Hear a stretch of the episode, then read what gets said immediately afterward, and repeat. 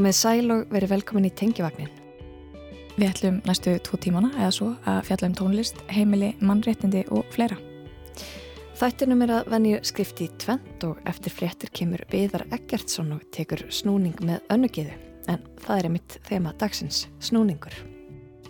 En í fyrir hluta Tengjafagsins heyrum við meðal annars af þerapistanum eftir Helene Flót sem fjallar um þerapista í vanda.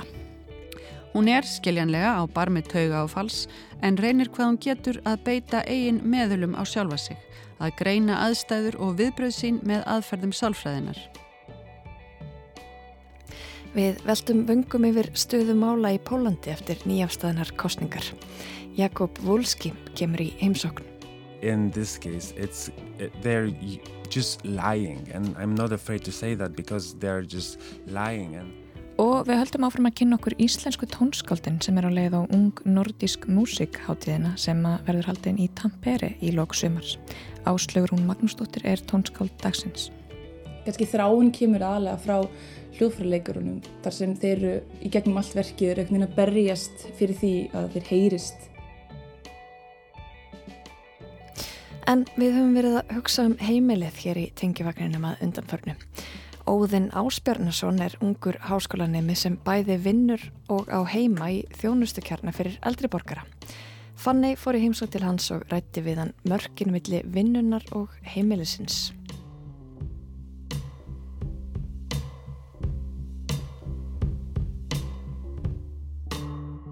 Ég er hérna við Norðurbrún í Laugadalnum en hérna býr hann Óðinn Áspjarnarsson Hann er uh, háskólanemi sem býr hérna í þjónustu kjarna fyrir eldriborgara eh, án þess þó að vera eldriborgari. Hann nefnilega býr hér bæði og vinnur. Ég ætla að fara að finna hann.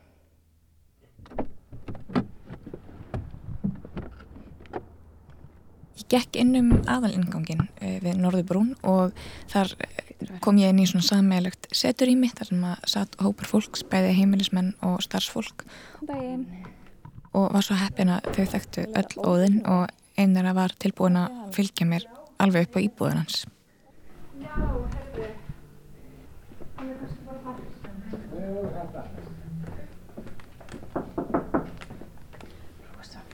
Hann er búin að gera. Þetta ekki Óðinn tók svo á móti mér vitirnar en eh, ég beigð svo í smástund því að urður kærastannas sem hafi verið hjá honum um nóttina var ekki alveg búin að klæða sig. Ég var snemma í því. Íbúinn eh, er í fítnistarð fyrir einstakling eða par. Það er hérna baðherbyggi, lítill eldús, krókur og eh, svona aðskilin svefn og stofurými og við fengum okkur sæti í stofunni og ég spjallaði við Óðinn og Urði. Góðan daginn, voruð það að vakna? Já, svona. Ég var að vakna. ég var líka að vakna, en aðeins ekki að segja. Er þið síðasta fólki sem að vakna reyn í húsinu? E, já, örglega. Hvað ertu búin að búa hérna lengi, Óðinn? Ég er búin að búa hérna í fráði í mars, sem eru fimm mánuði, fimm mánuði, já. Ég er búin að búa hérna í fimm mánuði, já. Hvað ertu gammal? Uh, ég er 21 árs. Hvernig kom það til að þú fluttir hér inn á þjónustu kjarna fyrir uh, eldri borgara? Uh, ég er um bara að taka þátt í svona samstagsverkefni með bara í starfi hjá Reykjavíkuborg sem er, sem er háskólanemi í, í, í þjónustu kjarna fyrir eldri borgara.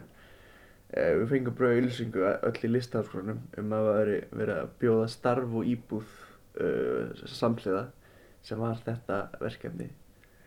E, og já, ég var einmitt að flytja út úr íbúinu minni á þeim tíma þannig að það var bara fullkomið. Og já, ég er alltaf til í eitthvað svona flip. Þannig að ég er hér bara að vinna í félagsstarfinu og búa einna líka og vera bara einmitt yngst í nágranninn Hvernig er hérna svona samlífið hérna? Hvernig er svona sambandi við nágrannana?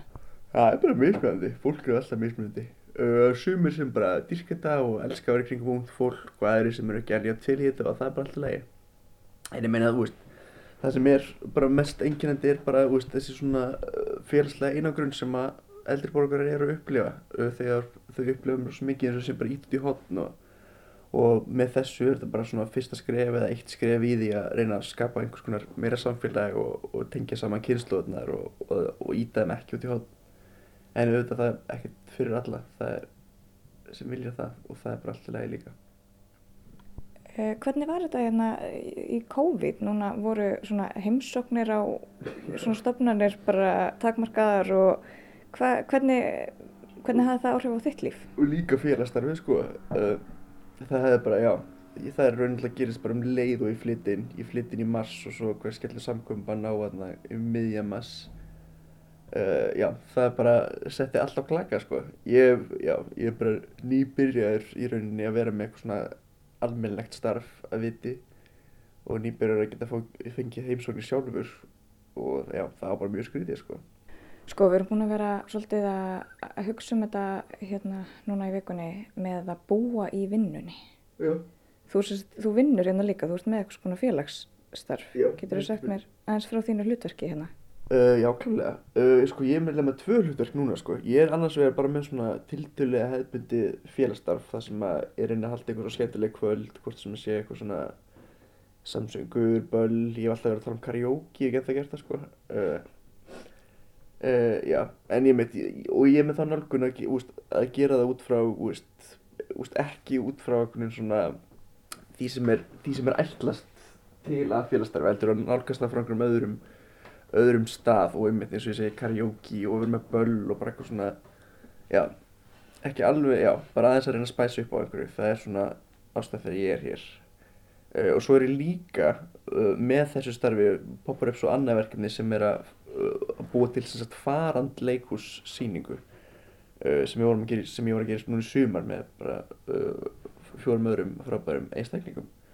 Uh, já, og þar vorum við höfustur hérna í, í Norðurbrún og, og svo sköpuðum leiksýningu sem að ferðast svo á milli allra félagsheimila í Reykjavík bara núna í sumar og um að koma með, með menninguna þá til þeirra sem var líka bara ógslag gefandi og skemmtilegt. Hvernig finnst þér að að búa á vinnustannuðinu? Er það eitthvað svona hlutverk að spenna? Já, en ég er svo mikill vinnualki sko þannig að ég dýrka það bara. Já, það er bara fínt, það getur bara að hoppa fram að ganga og byrja að vinna sko. Ég ætla að fá hérna, þú hristir hausinn. Uh, já, nei, þetta er bara, uh, ég sérst var að vinna með honum í þessu farandsleikusi í sumar uh, og kom inn í það verkefni seint en, en það var mjög gaman. En það var einmitt skrítið að vera hér og fara svo út um hurðina og vera komin í vinnuna. Uh, og já, óð, óðin er, uh, þarf kannski aðeins að læra að slaka á og það er kannski, já, það er kannski svolítið alvarlegt að vera vinnaralki uh, og maður er kannski að læra, læra að vinna í kringum þetta. Já, já, þú, þú lítur þetta alvarlegri augum. Já.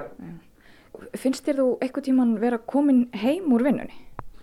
Já, já, já, bara, já, klálega. Bara því ég kom inn í íbúðu sko. En þarftu þá að vera inn í íbúðinni þinni til þess að þú sért ekki í vinnunni?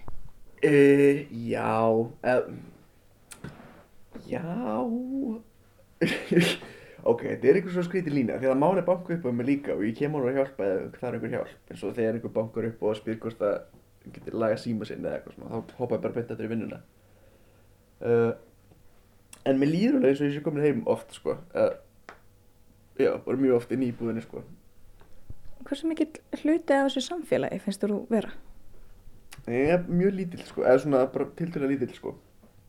Ég er bara svona, ég eitthvað svona eitt lítill, uh, lítill vinkill í því sko. Og það er, og einmitt að því er en þá í skóla svona, þá er ég bara með mjög lítið að veist, með borið saman við aðra félagsstarfsmenn uh, starfsmenn hér. Uh, þannig ég er bara svona, ég er að gera eitthvað svona lítið en þetta er eitthvað svona annað uh, og líka að, veist, að vera með þeim þá, veist, oft og okkur svona og vita að ég búi einnig líka. Hver er munurinn á því að að vinna hérna og bara fara heim til sín eitthvað starf annar staðar og að vinna hérna og fara svo heim til sín hérna líka? munur liggi uh, bara í þessu úst, að vera í samfélagi að að líta á þetta sem líka bara úst, þitt uh, þitt samfélag og það skiptir þið skiptir þið meira máli að, að það sé allt næs hérna og sé gott félagsstarf ef að, úst, að ef, já, annars er bara orkun á heimilinu bara leðileg þannig að úst, það er meira vægi í, í því sem ég geri uh, ef að ég þarf líka að sofa í sama húsi og og já, rætum maður bara að taka þátt meir í samfélagi frekar en að líta á þetta sem, sem bara vinnu. Svona, ég kem og vinn 8 tíma og svo fer ég eitthvað svona. En ekki er þetta bara að ég er partur af einhverju samfélagi og, og já, reynir bara að gera mitt af verkum að reyna að gera það skemmtilegt. Býður oft fólki heimsókn? Nei, ég reynir nefnilega að halda íbúðinni, þú veist, svolítið MySpace en ég fer heimsókn til fólks. En svona sumi komið inn, sko það var svona aðalega í svona byrjun og svo fatt að ég bara, ég vildi hafa þetta bara mitt space, já Þegar þú býður fólki eða hefur búið fólki í heimsókn, Já. hefur, hefur fengið eitthvað aðtöðarsamdir? Sagt, eldri borgarnir sem búa þetta líka eða Nei, nei, þá svona utan að koma til gestir. Já, já, það var allir eitthvað að segja sko, það er fyrst öllum þetta ógíslega fyndi og skrítið og já, einmitt, uh, já, það er bara allur gangur af því, en flestir segja það bara, veist, að það sé, þegar þau koma, veist, þegar ég segja frá þessu, þá sé þetta svona fáranlegt og ég skilji ekkert hvað ég er að gera, en svo þau koma, þá fattaði bara að það er bara mjög róleg orka hérna. Og það er mjög róandi að vera hérna inni, uh, og það er bara ógstæðan næs. Og sérstaklega fyrir mig sem er eitthvað svona alltaf á hlaupum eitthvað og já, alltaf í fimmtekýr í öllu lífið mínu það var bara mjög næst fyrir mig að koma hérna og vera bara einhverju svona rólegu umhverju Hvernig finnst þér þetta svona samanbórið við að búa ekki í þjónustu kjarna fyrir aldraða? Hver, hver er svona helsti munurinn? uh, ég veit ekki hvað þessi mötur þetta niðri og, og líka hársnirti og, og neglustofa hérna hand, hand á höndina og líka þetta bara að vera með eh, 60 nákvæmna sem eru allir eldri borgarar það myndi vera, já, það, ég myndi alltaf að segja að það var óvinnilegt, það var, það var ekki eitthvað sem var allir missi síðustu í bussum í bjói. Ferði klippingu hérna í húsinu? Ég hef ekki gert það, ég er ennþá, að því að var lokað með COVID-19 uh, en ég stefni á að gera það. Uh, en stefnun er alveg að, taka þátt í öllu múst, eins og þau. Og að líta ekki á þetta sem, eins og ég minnst á það bara sem eitthvað svona vinnu. Meira bara að vera partur af einhverju samfélagi. Er eitthvað svona sem stendur upp úr? Hvað finnst þér merkilegast á þessum tíma sem þú ert búin að vera hérna? Nei, ég veit, ekki, ég held ekki með mitt svara þessu spurningu það er bara hvað, kannski, jú, kannski bara hvað, þú veist, hvað ég get tengt mikið af fólki og þó að það séu, þú veist 60 eða 80 ára milli og mín og sem í aldrei þá getum við samt bara að spilla saman um daginn og veginn og, og það er eitthvað skemmtilegt sko. Sér þið fyrir þér að vera hérna lengi? uh, ég já, ég myndi skrifa upp á ársamning og það er svona svolítið stefnan bara að vera bara í ár og svo er ég líklega spróð að því en það í skóla ætla að reyna að fara í skiptunum svo bara eftir, eftir þann tíma. En svo eru fleiri eins og ég á leiðinni inn og, og ég held að það mun hjálpa mér líka mjög mikið eða mér að vera um leiðir ekki eini háskólinni minn. Uh, veginn þá þá er miklu meira, þá get ég verið einhvern veginn svona sem einhver, ekki bara einn svona u- utan og skrítin í samfélaginu heldur með einhverjum öðrum. Og þá held ég að mér er bústa allt félagstarfi uh, frá háskólanum, mánum maður að segja Þannig að það er stefnan að komi fleiri háskólinemar hérna inn bara Já, á næstu missurum. bara strax í haust sko held ég það mun koma einningað og svo munur gláð fleiri félagsheimilu komin þetta var þess að tilrauna verkefni núna í tvö ár og ég er raun fyrsti sem kemur inn sem ekki tilraun heldur bara, bara fasta liður að því þetta var að svínum virka sko Fanny rætti hér við Óðinn Ásbjörnarsson sem er búsettur í þjónustukjarna fyrir eldri borgara en hann starfar þar einnig.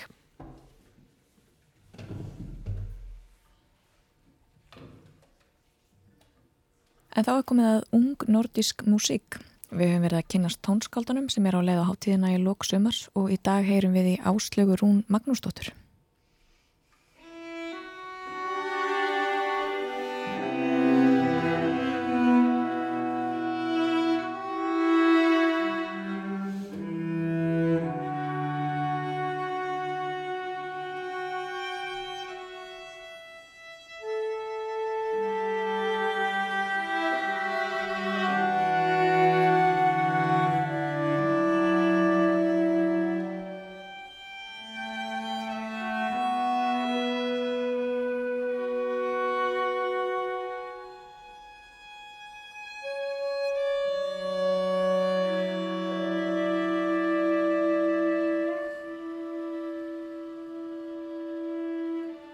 Heiti Áslögu Rún Magnúsdóttir og er nýútskrifaður tónsmiður frá Danmarku. Um, fættu uppalinn Reykjavík og búsett í Kaupanöfn. Verkið sem var flutt á ögnun uh, heitir Tears. Um, heitir sko Tears að því ég hef ekki að reyna að búið til eitthvað svona eitthvað hræðslu eða svona efa með því að hafa þetta svona högtandi með að segja svona mörg T.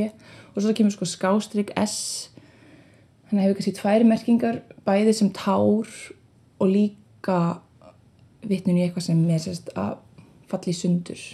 Verkið er sérst samið fyrir strengja tríó og blásara duett, fagott og flautu og svo um, cello, fiðlu og víólu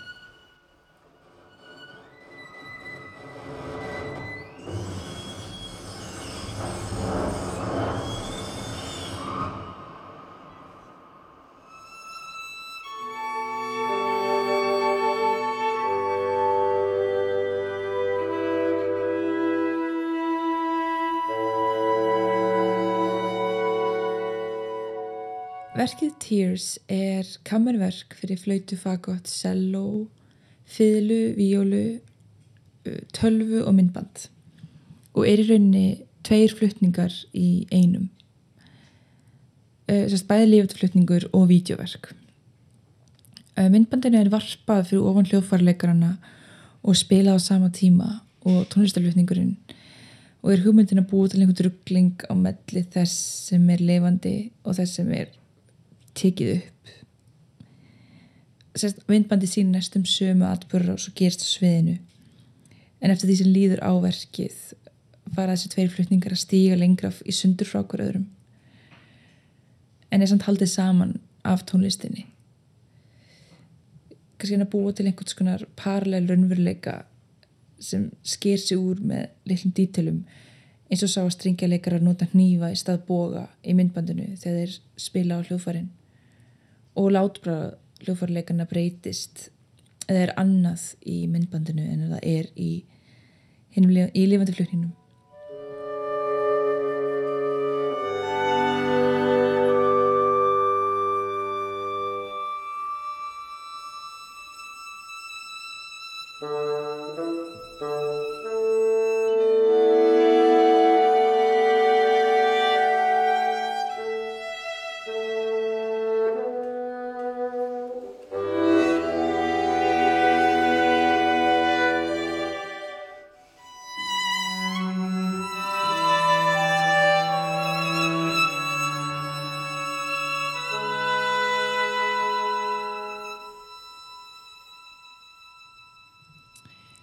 hugmyndi var kannski að reyna að skapa einhvers konar átök og spennu að millisra að tvekja flutninga eða tvekja miðla.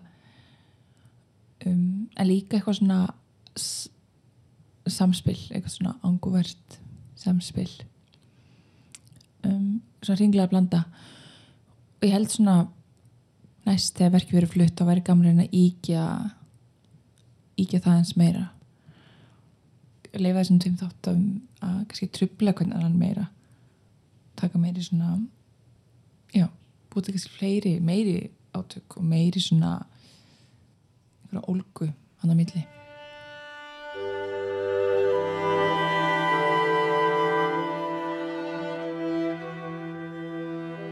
Ég hef ég hef mjög gamnaði að skapa að búa til svona augnablík sem getur verið trubluð kannski um leið og og þau eru mögulega að komast á eitthvað flug. Eigðilögð af einhverju öðru hljóði, hljóðfæri, reyfingu þögn. Og þannig hristir maður svolítið upp í sögþræðinum og myndar einhverju keðju af tengdum yngreipum sem er svo verkið í heilt hefðin hefur kannski verið svolítið þannig að allt þarf svolítið að leka saman í eitt með einhverju fullkomna orða mixi og vesinni en ég held að þessi mismundi þættir sem koma saman í tónsmiðinni þurfi ekki endilega að passa saman eða vera að lóða þér saman í einhver ákveðna held heldur fáu svolítið bara að vera eins og þeir koma fyrir. Fann að kalla það kannski svolítið svona non-binary hugsun þegar kemur á tónsmiðum þar sem hlutur getur, einmitt, getur bara fengið að vera getur fengið að vera bæði annarkort eða og allt er bara svolítið svona fluid.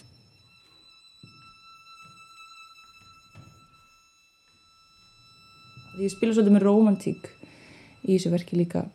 Þar sem Víólan og Selloðu spila svona mjög svona, eða mjög romantist dúó í lifandi glöknunum en í vídjónu þá er þetta svona átök og einhver svona baróta það fer samt allt, það fer allt vel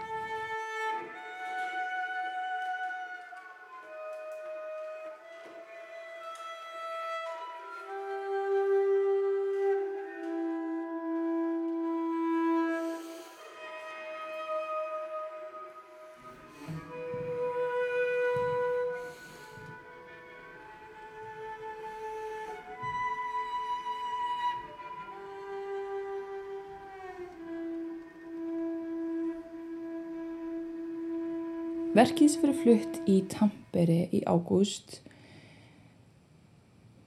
sko það heitir Desire held ég.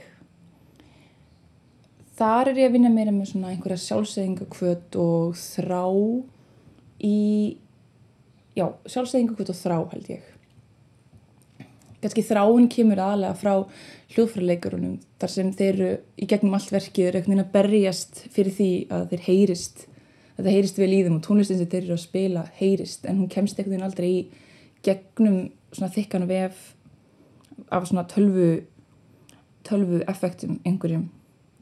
Um, og ef það heyrist þá er einhvern veginn er búið að breyta því eitthvað annað.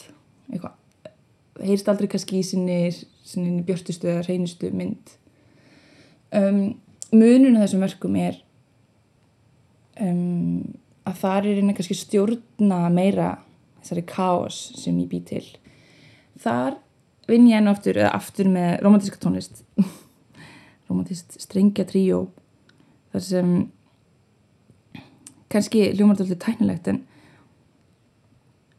en það vinn ég svolítið með að að kveikja og slökkva fyrir mikrofónuna. Þannig að hljóðfærleikinni spila rosalega lágt og þeir, og þeir eru dempaðir. En ég kveikja og slekk fyrir uppmögninni þannig að við heyrum í rauninni aldrei allt verkið. Það spilast einhvern veginn hann undir en ég vel svo og ekki vel stundum er þetta bara svona ákvarðað á tölfunni hvernig við heyrum svo einhverja frasa.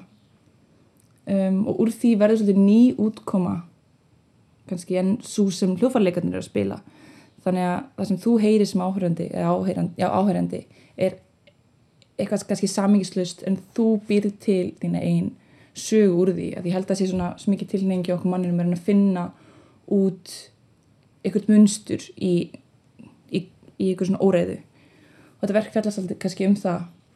En það sem hljófarleikarinn er að spila er eitthvað annað. En þeir líka strögglar úrslega við að komast í gegn að vera það sem þeir eru að spila sérunni heyrt og við heyrum það. Og þannig bindast ykkur átök og, og drama þá getur þetta leysist allt einhvern veginn upp í einhver, einhver nóis útopíu en það sem kannski var svolítið skemmtilegt við þessu er að því að brjóta upp tíma í rauninni. Um, að við heyrum bara halva sekundu hverja aðra sekundu eitthvað svo leiðis og þá svona hvað er að gerast inn í þessum tíma í þessum litlu tímum sem við heyrum þannig er þetta að fara dýbra onni þá. Mist, og ég er að tengja það svolítið við kannski hann sem er gerast núna þessi skrítni tími, þessi ónlýnilegi tími sem við erum í akkurat núna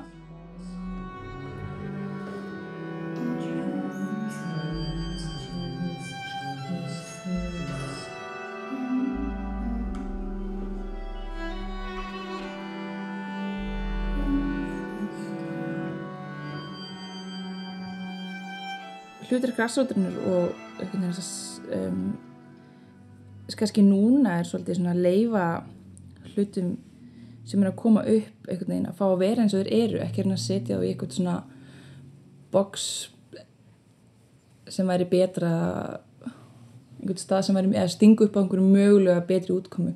Þetta leifa bara hlutunum svolítið að fá að vera eins og þeir eru. Ég held að það sé kannski líka svolítið að gerast núna eins og ég nefndi með þeir kannski myndlistamennir fyrir að gera tónlist og tónlistamennir fyrir að gera myndlist það verður svolítið svona einhver skekkja að það milli þannig að það er einhvern veginn allt einhvern veginn svo mögulegt og ég held að fegurðin líkir svo mikið í því mögulega og þessum mögulegu útkom sem aldrei einhvern veginn hefði kannski spáð fyrir um.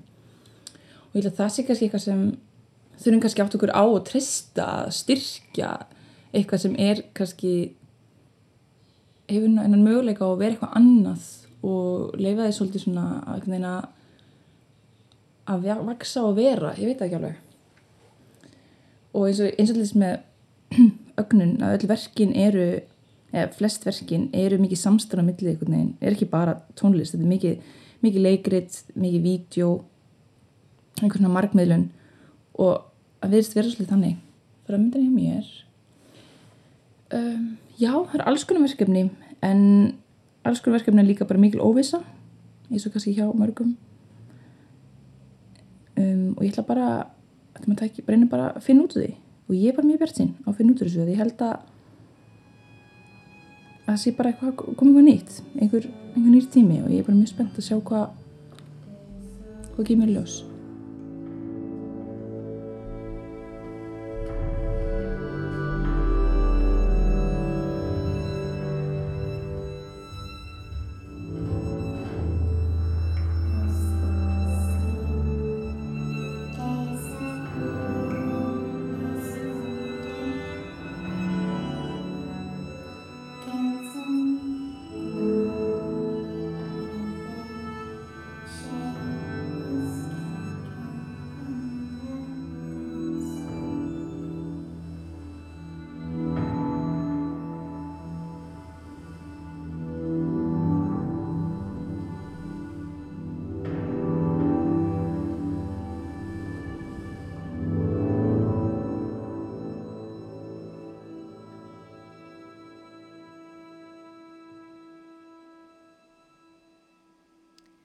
Hér herðum við áslögu Rún Magnúsdóttur en hún er eitt tónskaldana sem mun halda til Tampere í lóksumars til að taka þátt í hátíðinni Ung Nordisk Músik.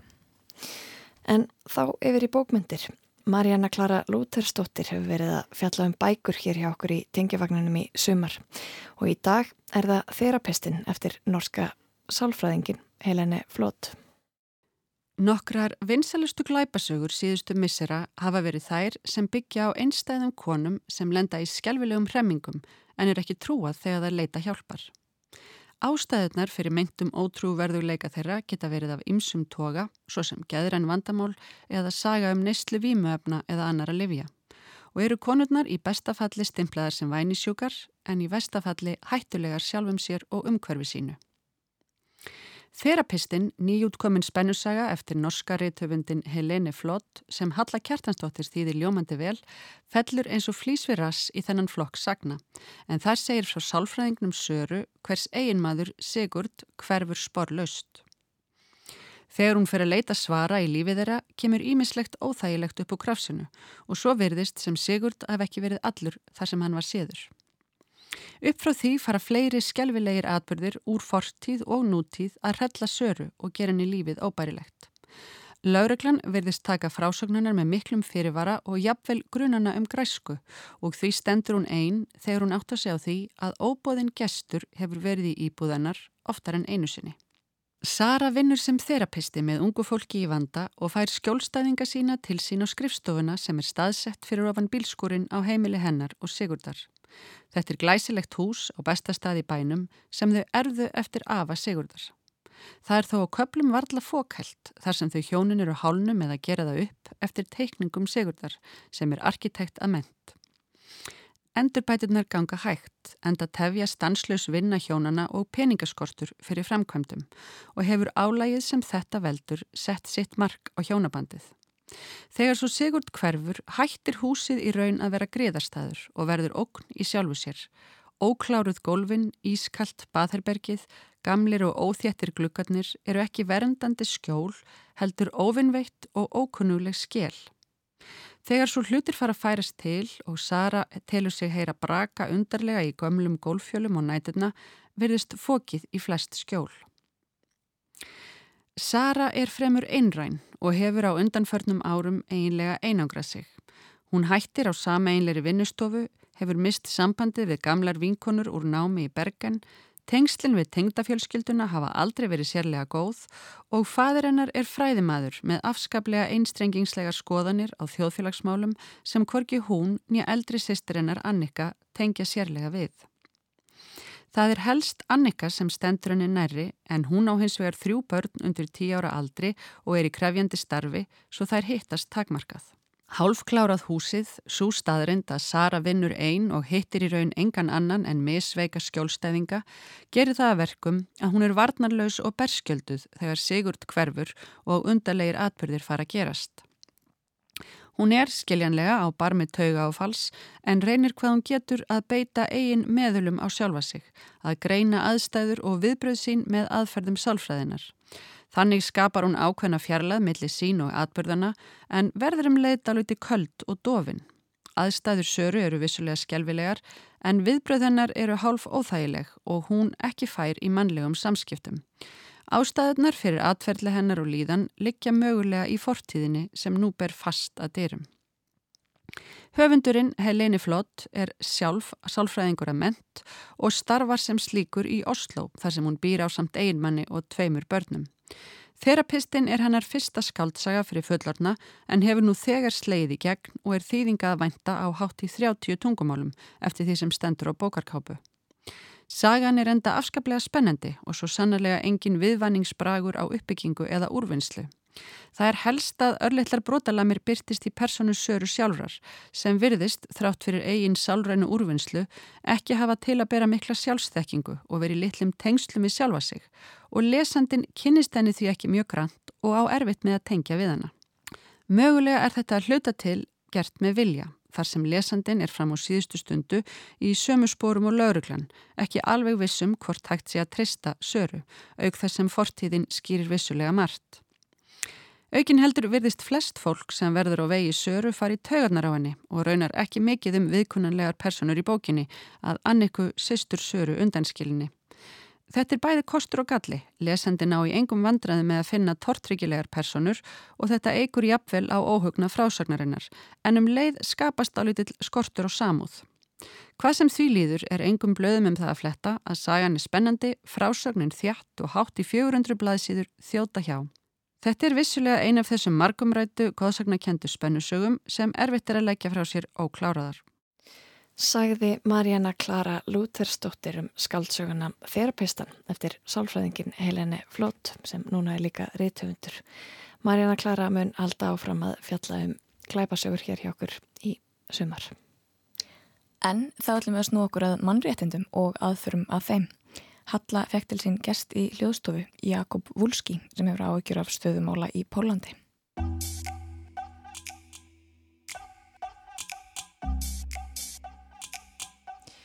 Forsetakostningarnar í Pólandi kláruðust þann 13. júli með sigri sitjandi forseta, Andrzej Duda.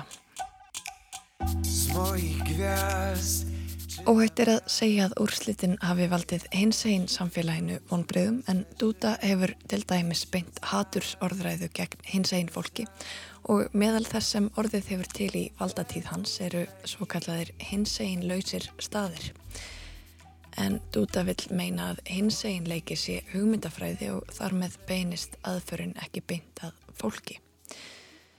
Jakob Volski er ekki sammála því en hann hefur verið búsettur á Íslandi síðastliðin þrjú ár. Ég fekk hann til mín í ljóðstofuna og hann byrjaði á að kenna mér að byrja fram frambjöðandana tvekja. Andrzej Duda. Andrzej Duda. Duda. Andrzej Duda. Yes, and Rafał Rafał Trzaskowski. Trzaskowski. Very good. I'll try again. Very good. First Polish lesson. Andrzej Duda.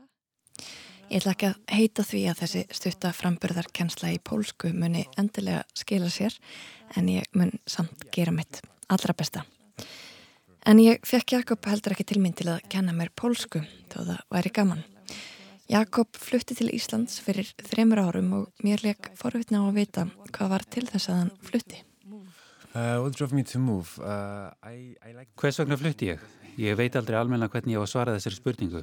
Þetta byrjaði með því að vinkona vinar minn stvaldi hér og tók ótrúlega ljósmyndir sem hún síndi mér svo og ég var á tímamótum í lífi mínu svo ég hugsaði með sjálfur mér, ég prófaði þetta. Ég fer til Íslands í tvo mánuði og nú hafa þrjú ár liðið.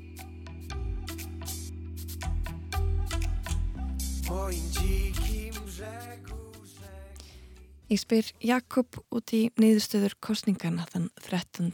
júli hvort þær hafi komið hann á óvart en Jakob segist ekki hafa orðið hissa. Well, being honest, I was not surprised. I was really expecting this result. Ég bjóst við þessum niðurstöðu að þetta eriði nömt millir núverandi fórseta og mótframbjóðanda hans, Rafael Tsarkovski. Ég var ekki hissa því ég veit að flokkurinn sem nú er í ríkistjórn, lög og réttlæti, notaði ákvæmna taktík til að segra. Þeir eru mjög ábyrjandi í fjölmiðlum því aðal fjölmiðlinn í Pólandi er í ofinberi eigu og er dreift víða. Í teilfelli margra pólveri er þetta eina sjónarstöðun sem næst, svo hún er eina pólitíska sjónarhóttnir sem þeim er sínt.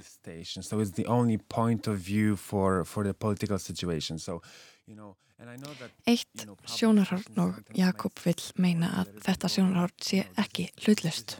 But in this case, it's, they're just lying. And I'm not afraid to say that because they're just lying and Í þessu tilfelli þau eru að ljúa og ég er óhættu við að halda þessu fram, þau eru að ljúa til dæmis sko þau þurfa óvinn, þau þurfa óvinn til að þau geti barist gegn honum það er ákveðin félagslegur klopningur í Pólandi uh,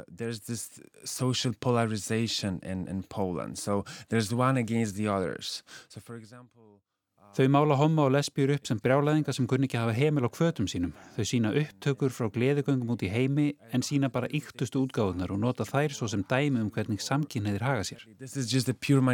And, and, you know, this, any... Þetta er stjórnun með fölsun og fólki sem sér þetta hefur engar aðrar upplýsingaveitur með öðrum sjónarhóttnum svo það heldur að samkynniðir séu hættulegt fólk sem vil ráðast gegn pólskum hefðum og gildum. Þetta vekur áhuga menn því hins einn gungur eru haldnar út um allan heim í mismunandi aðstæðum en markmiðið er sínileiki og ámenningum fjölbreytileika, óriðtlæti og baráttuna sem enn er háð í heiminum. Við erum jú allskonar og ef einhver langar að vera óljuborun upp á palli með glimmergrímu ætti hann að fá að gera það eða klæða sig upp sem dragdrottningu. En staðan er allt önnur í Pólandi en hér á Íslandi og þótt að sé óréttlátt þá þarf að stíga varlega til jarðar í þessum efnum svo baráttan verði reynlega ekki nótið gegn hópnum sem baristir fyrir. Fyrsta gleðigangan mín var hér í Reykjavík og ég sá að þetta var bara fjölskyldudagur. Kynniðin var aukaadriði, auðvitað er þetta regnbúa hátíð og það er aðaladriði en fyrir mig skiptir mestu máli að hér væri fagnað fjölbreytileika fjölskyldunar. No, but in Poland it's just put only in this weird uh, sexual... Í Póland er þetta sett í kynferðslegt samengi og homar jáfnvel settir í samengi barnanýðinga.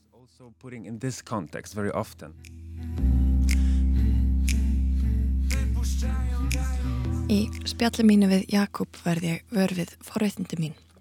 Ég veit að ég er örug í samfélagi mínu að vera eins og ég er. Ég veit að ég er örug að láta rött mín að heyrast og ég rifi upp í huganum samræður sem komið af upp síðustu ára og hins einn dögum þar sem rætt hefur verið um hvort hátíðin sé orðin of heter og væn færin að þóknast meiri hlutanum og mikill.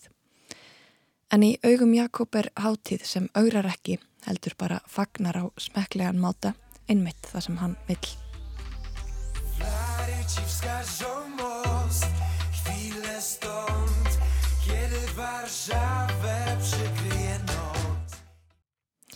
Úrslitt fórsetakostningarna komi Jakob ekki á óvart en ljóst er að samfélagið er verulega klófið því kostningaþáttaka var 70% en munurinn einungis tæp 2%. Jakob segist telja að stjórnmálamenn beri mikla ábyrð á þessum klopningi því taktikinn hafi verið að tepla einu gegn öðru og útkoman sé þessi og í sumum tilfellum séu jafnvel fjölskyldur klopnar. So it just shows how divided we are, how divided Poles are and um, you know, I, I think uh, politicians are very responsible for this situation because they were using Ljóst er að pólska þjóðin er klófin í tvent í pólitík en vakið hefur aðtekli að pólverjar búsettir Erlendis kusu í stærri mæli Traskovski, það er að segja breytingar. Það rennir kannski stóðumundir tilgáttu Jakobs að aðgangur að mismunandi sjónarhórnum hafi áhrif á pólitískar skoðanir og skortur þar á einnig. Mér leik forutna á að vita hvort Jakob hefði einhverju hugmyndum hvort pólverjar Erlendis hefðu flutt vagna skoðana sinna eða hvort skoðanir þeirra hafi breyst eftir flutningana. Þótt líklegast heldist það eitthvað í hendur líka. We need to know that there are many, many types of Polish immigrants. And for example, in the US, you have many old immigrants and there are many people who can vote, but they are not, uh, they, they never been to Poland. Mm. And uh, and there, Americans usually vote for for the conservative party, which is very interesting. Jakob segir að pólskir innflytjendur séu af ólíkum toga og til dæmis séu sömur með kostningarétt og þeir hafi ekki búið í Pólandi. Hann nefnir pólska innflytjandur í bandaríkjunum sem dæmi og segir að þeir kjósi yfirleitt íhaldið. Annar staðar í heiminum, til dæmis í Breitlandi, kjósi pólskir innflytjandur yfirleitt vinstri sinnaðri flokkin. I think it's because they're they're moving out from Poland because they're frustrated. But um, and I think also in this election they were very motivated to vote. There there are more than half million people registered to vote abroad. So Jakob segir að hugsanlega hafi þetta fólk flutt frá Pólandi vegna gremju. Hann nefnir einnig að kostningaþáttaka hafi verið mikil í ár, fólk hafi fundið kvata til að kjósa. Hins vegar er mikilvægt að falla ekki í þá grifju að halda að pólskir innflytjandur séu einn einsleitur hópur. Ástæður flutninga eru auðvitað ólíkar og ekkert vist að fólk flytjast aftur tilbaka þótt hluturnir breytist. En hvað með Jakob? Hefur hann í hegju að flytjast aftur til Pólans? No, I think it's, uh, it's impossible. Like, I, Nei, ég held það sé ómögulegt. Ég veit ekki enn hvort ég muni búa á Íslandi það sem eftir er en ég mun alveg öruglega ekki flytja aftur til Pólans. Ég er ekki örgur þar. Mér líður ekki vel að þurfa stöðut að halda aftur að mér. Ég man hvað ég var hissa og hvað ég var þakkláttu því ég gekk um götur Reykjavíkur með kærastanum mínum og við gáttum leiðist. Ég var 25 ára og ég var gáttaður en gagkin hefðu vinum mínum þótti eðlilegt að gera þetta fyrir mér var þetta stórt því í Pólandi hefði ég geta verið lamin fyrir þetta. I could be beaten up on the street or, or someone could say something to me in Poland. You know, I don't feel safe. Ég spyr Jakob nánar út í atvekið þegar hann tók í fyrsta sinn í hand kærasta sinns úti á meðal fólks. Því það er ljóst að þetta hafði mikil áhrif á hann. Ég baða hann þess vegna um að lýsa fyrir mér hvaða tilfinningar hefðu vaknað innra með hann. Uh, uh, you know, I felt like, okay, I am, I am good as I am. Ég hugsaði, það er í lægi með mig eins og ég er. Ég er ekki förðulegur eins og þeir segja í sjónvarpunni eða blöðunum. Ég er ekki sjúkur eða andsetin. Ég er bara venjulegur náungi sem langar til að, og veistu það er fyndið, því þegar þið langar til að taka í höndina okkur um að leiða hann, þá finnur það, þú hugsaður ekki svo mikið um það. En ég hef alltaf heimil á mér. En þarna hugsaði ég, ok, ég má það. Og það ég fann bara frelsistilfinningu. Þessi frelsistilfinning sem Jakob lýsir er kannski eitthvað sem við sem erum í þeirri forréttindastöðu að þurfum ekki berjast fyrir tilvist okkar munum kannski aldrei upplifa. En svona hverstagslegt samhengi er kannski leikillin að skilningnum samt sem áður. Því þetta er frelsi sem hægtir að sveifta þjóðfélagsóp á einu augabræði. Það höfum við séð gerast viðsvegar um heiminn aftur og aftur í gegnum söguna og það er að gerast í þessum töluðu orðum. Kanski þykir einhverjum lítilfjörlegt að geta tekið utanum ástina sína í kringlunni en það er frelsi sem ekki öllum er gefið og ein af ástöðunum fyrir því að Jakob vill ekki flytja aftur til heimalandsins. Hann gerir sér þó grein fyrir að hlutirnir breytast ekki af sjálfum sér. I don't want to have this dilemma when I'm in Poland. If I can kiss someone or is it too much or if this is, you know... Ég vil ekki standa fram með fyrir þessari tókstreitu í Pólandi að þurfa að velta fyrir mér hvort ég ætti að kissa einhvern og hvort það sé illa séð. En á sama tíma vil ég að hlutinir breytist svo ég vil að fólk í Pólandi vænjist þessari sín að samkynna ég pör geti leiðist á gödum úti.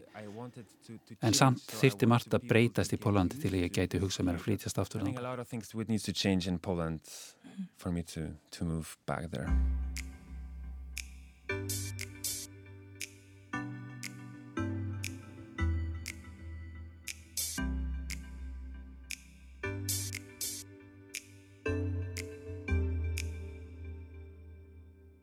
Spyr Jakob út í hinsegin fríu svæðin eða hinsegin lausu svæðin þar sem hinsegin fólki er meinað að já, vera til. Jakob segist ekki að fá farið á slík svæði sjálfur, hann komi frá Norðurpólandi en þessi svæði séu mest í Suður og Austurpólandi. Yeah, awful, but, uh, uh, þetta er hræðilegt, en ég hef samt góðar fréttir. Tveir dómstólar hafa nú þegar dæmt þetta ólulegt að þetta sé gegn stjórnarskráni. Við vissum það auðvitað. en yfirvöld voru að reyna að halda því fram að þessu væri ekki beint gegn fólki heldur hugmyndafræði. Þetta er stefið. Við berjumst ekki gegn fólki heldur hugmyndafræði. En þegar þú sér þetta fólk lamið á gödum úti þá er þetta ekki flókið. Þú ert ekki að horfa upp á ofbeldi gegn hugmyndafræði heldur fólki. You know, I don't like to give this uh, hard comparisons, but for me sometimes it sounds like um, comparison to, to the Nazi times uh, in, the, in the 30s. Uh, uh, Jakob segist illa við að bera þetta saman við ofsóknir gegn gýðingum í senni heimstyrjöldinni en þar hafið þó ofsókninar einnig grundvallast á því að af mennska ákveðin þjóðfélagshóp. Maybe this is the first step of of of, of doing this. And, and you know and and the, the, these zones were um, because there's very right uh, media and one of the tabloid were, um, were putting, Jakob lýsir því að einn fjölmiðlinn hafi framleitt límiða sem fólk gæti límt á rúður bíla sinna eða heimila eða í verslunarklökum þar sem stóð hins einn fritt svæði. So, so I'm not feeling safe if, if someone can, can, can put a rainbow flag and it's crossed so we don't, we don't, we don't want you to be here. It's very dangerous and um, and you know in some way I understand it because, because it's, it was awakened by the politics but in some way I, I really don't understand it. Að einhverju leiti get ég skilið þetta því þetta er afleiðing pólitíkur en að öðru leiti er þetta mér fullkomlega óskiljanlegt. Ég er að tala um Póland eins og það sé framandi land en það er í Evrópu. Mér líður eins og við séum að fara aftur og baki tíma.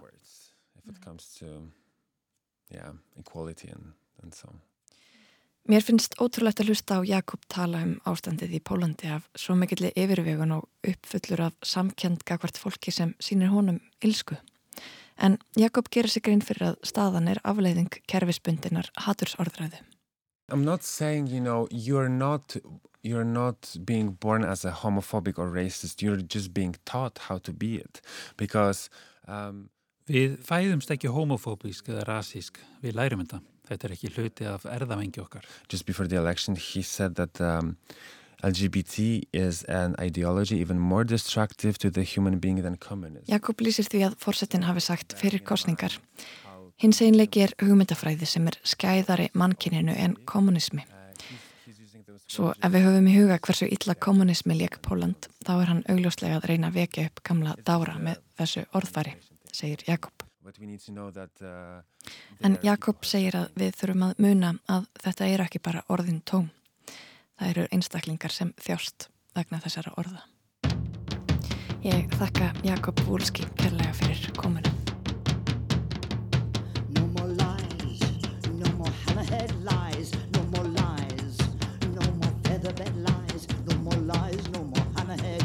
komuna.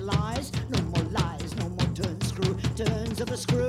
No more lockout, lockjaw, locked door lies. No more slap face, silent, slap face lies. No more lies, no more dead leg, fire iron fibs. No more lies, no more light bait, that word sweet jaw. No more crawl hole, hidey hole, easy hypocrisy. No more maimed and twisted, mismatched fantasies. No clatter of lies. No more chattering, block-brained block train lies, no more lies.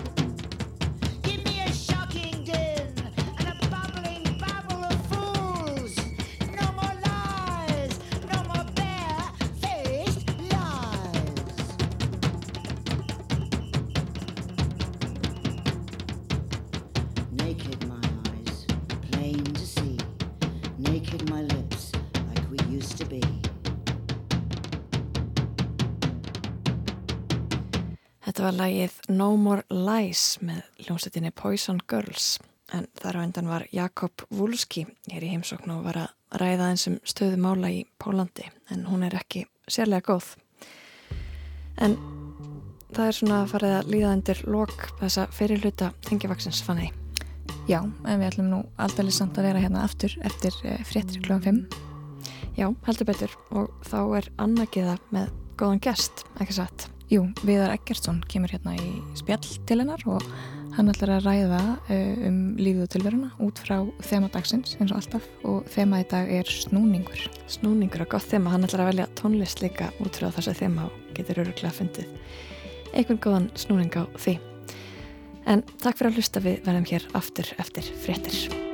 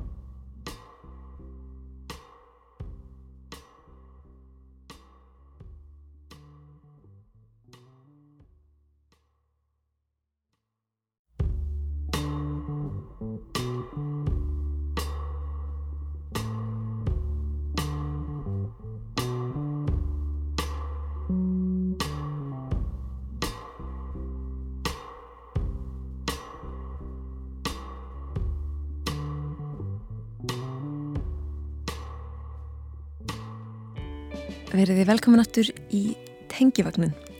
Gestur síðari hluta þáttarins er Viðar Eggertsson, dagskrakjaðamæður, leikstjóri og jú, alls konar annað. Viðar, hvernig kynnið þú þig sjálfur?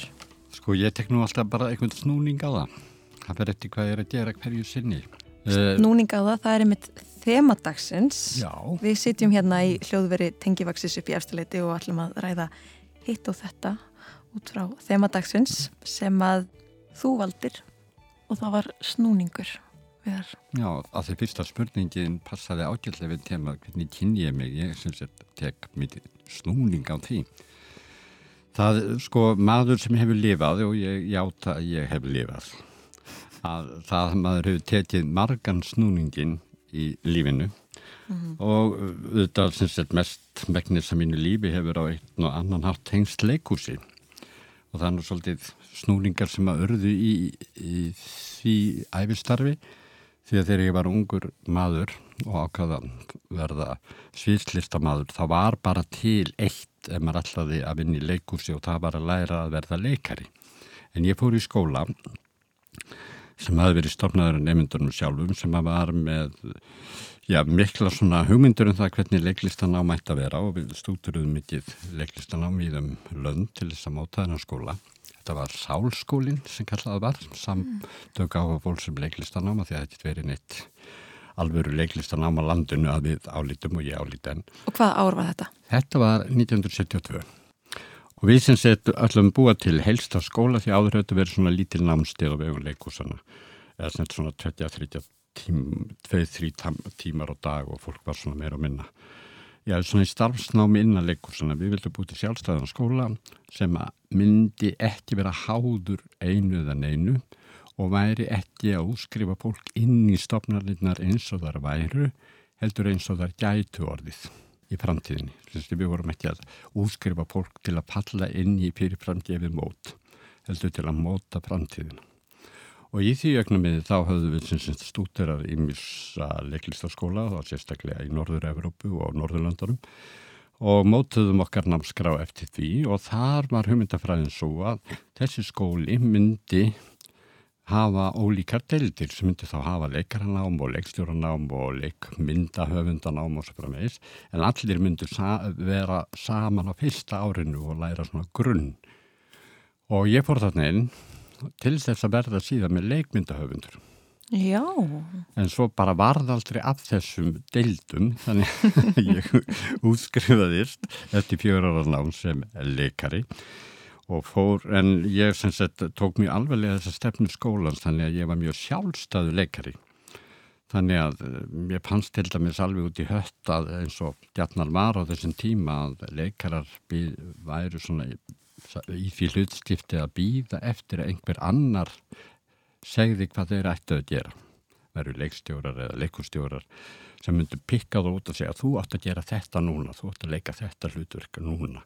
Ég hafði aftur á móti mikla skoðanur hvað mig langaði að gera og mér varst ekkert sjálfsæðara í heiminum en að ég bara myndi framkvæma það því ég átti fólk í öðrum lífsgreinum eins og reytöfunda og myndlista fólk sem var ekki reytöfundinu voru ekki að skrifa það er bækur sem einhver sagði um að skrifa mm -hmm. og myndlista fólki var ekki að gera þá myndlist sem einhver sagði um að gera Þetta voru sem skapandi listamenn sem ákvaðu sjálfur hvaða bók þeir skrifuðu eða hvaða myndlist þeir gerðu. Og þú sást leikaran Já, eins? Já, sá leikaran eins eða leikursmannin. Mm -hmm. Og sem þess vegna stopnaði sjálfur mitt eigi leikurs að því þá gæti ég ráðið öllu.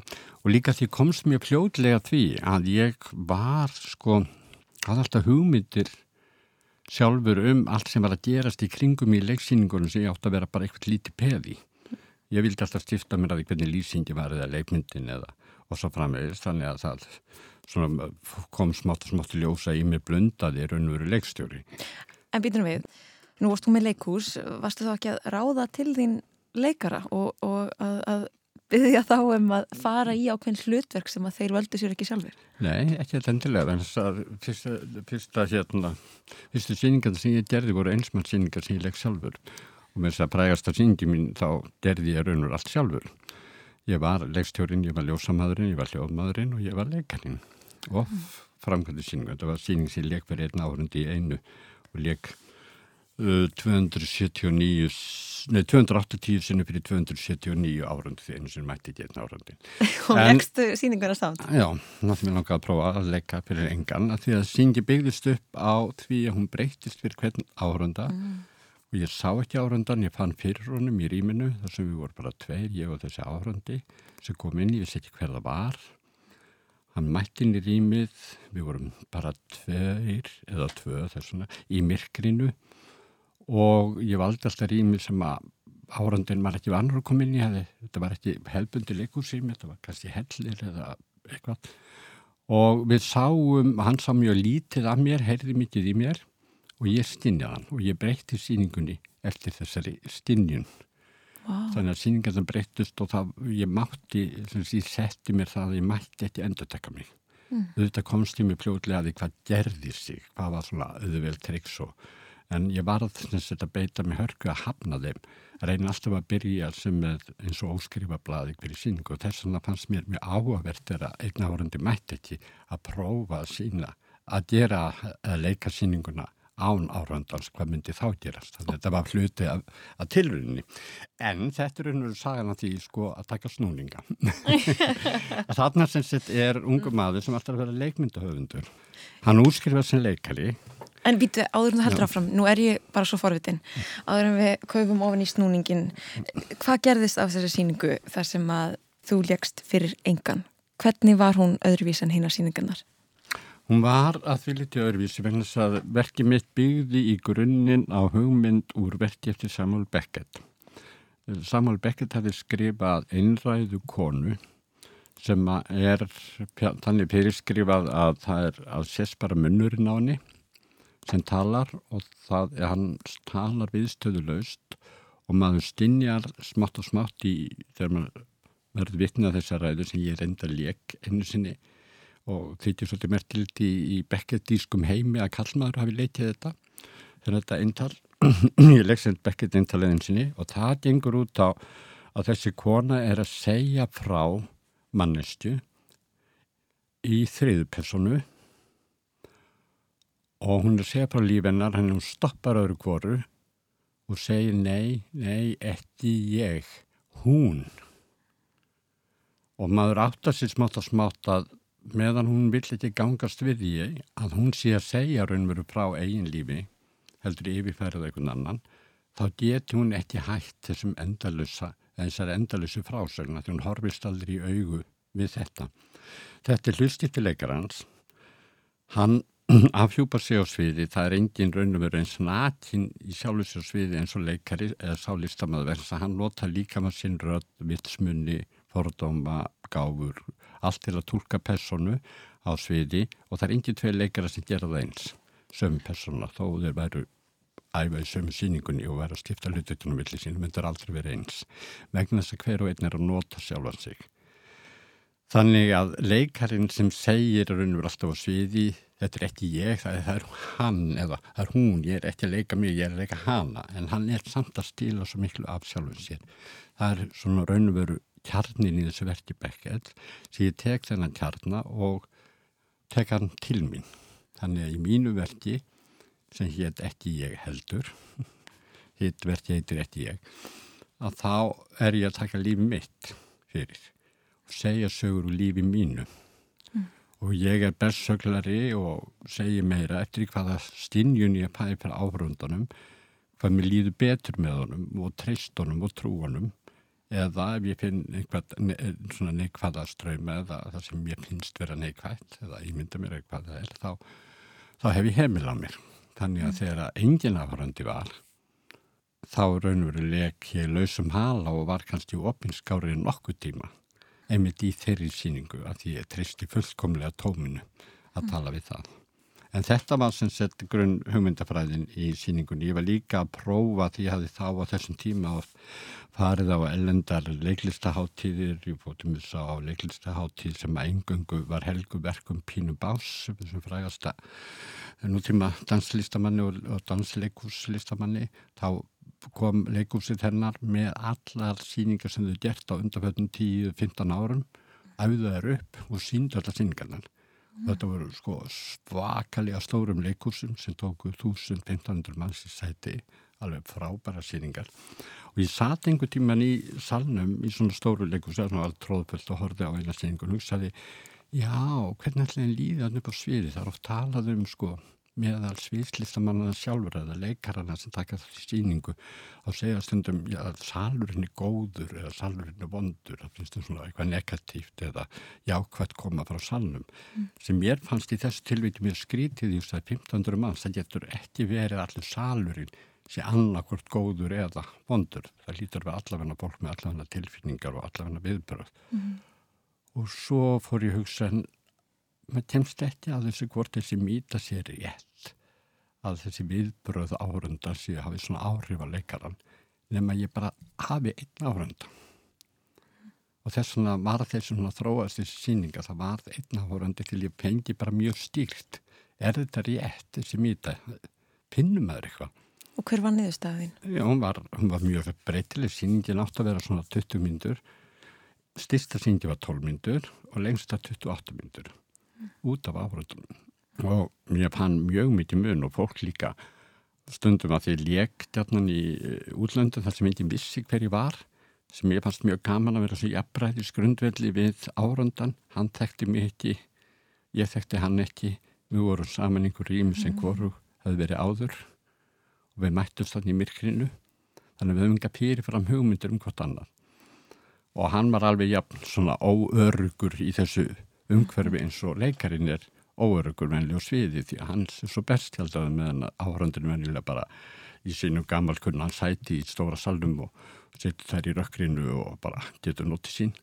En þarna voru við alltaf á sama level. Já. Og líka eitthvað fallegt við það að engin annar fekk að sjá ykkur því ég býst til dæmis við að þú tókst þetta ekki upp en þetta var ekki tekið upp. Ég var Það sjálfur á bara tækninni. stund sem þið áttuð inn í þessu rými sem var- hvarf síðan eftir á. Ég var einn inni Ég var með takkana á ljósanum, það voru svona ljós sem að kviknuðu ljós í mismöndi hotnum, ég var með mikrofón þannig að röttin bastum rými hér, og þar stundu komar öðru hotni, þannig að fólk vissi stundum ekkert hver ég var. Mm. Og svo gerðist eitt alltaf í síningunni, það voru svona ákveðnir, það voru svona, já, ákveðna stiklur í síningunni, það var þessi setning sem er hjá Beckett, ekki ég heldur hún, nema hjá mér, ekki ég heldur þú. Það er þú sem gerir það verkum að ég er að gera það sem ég geri. Vegna árundans er ég þarna. Vegna árundans segi ég þetta.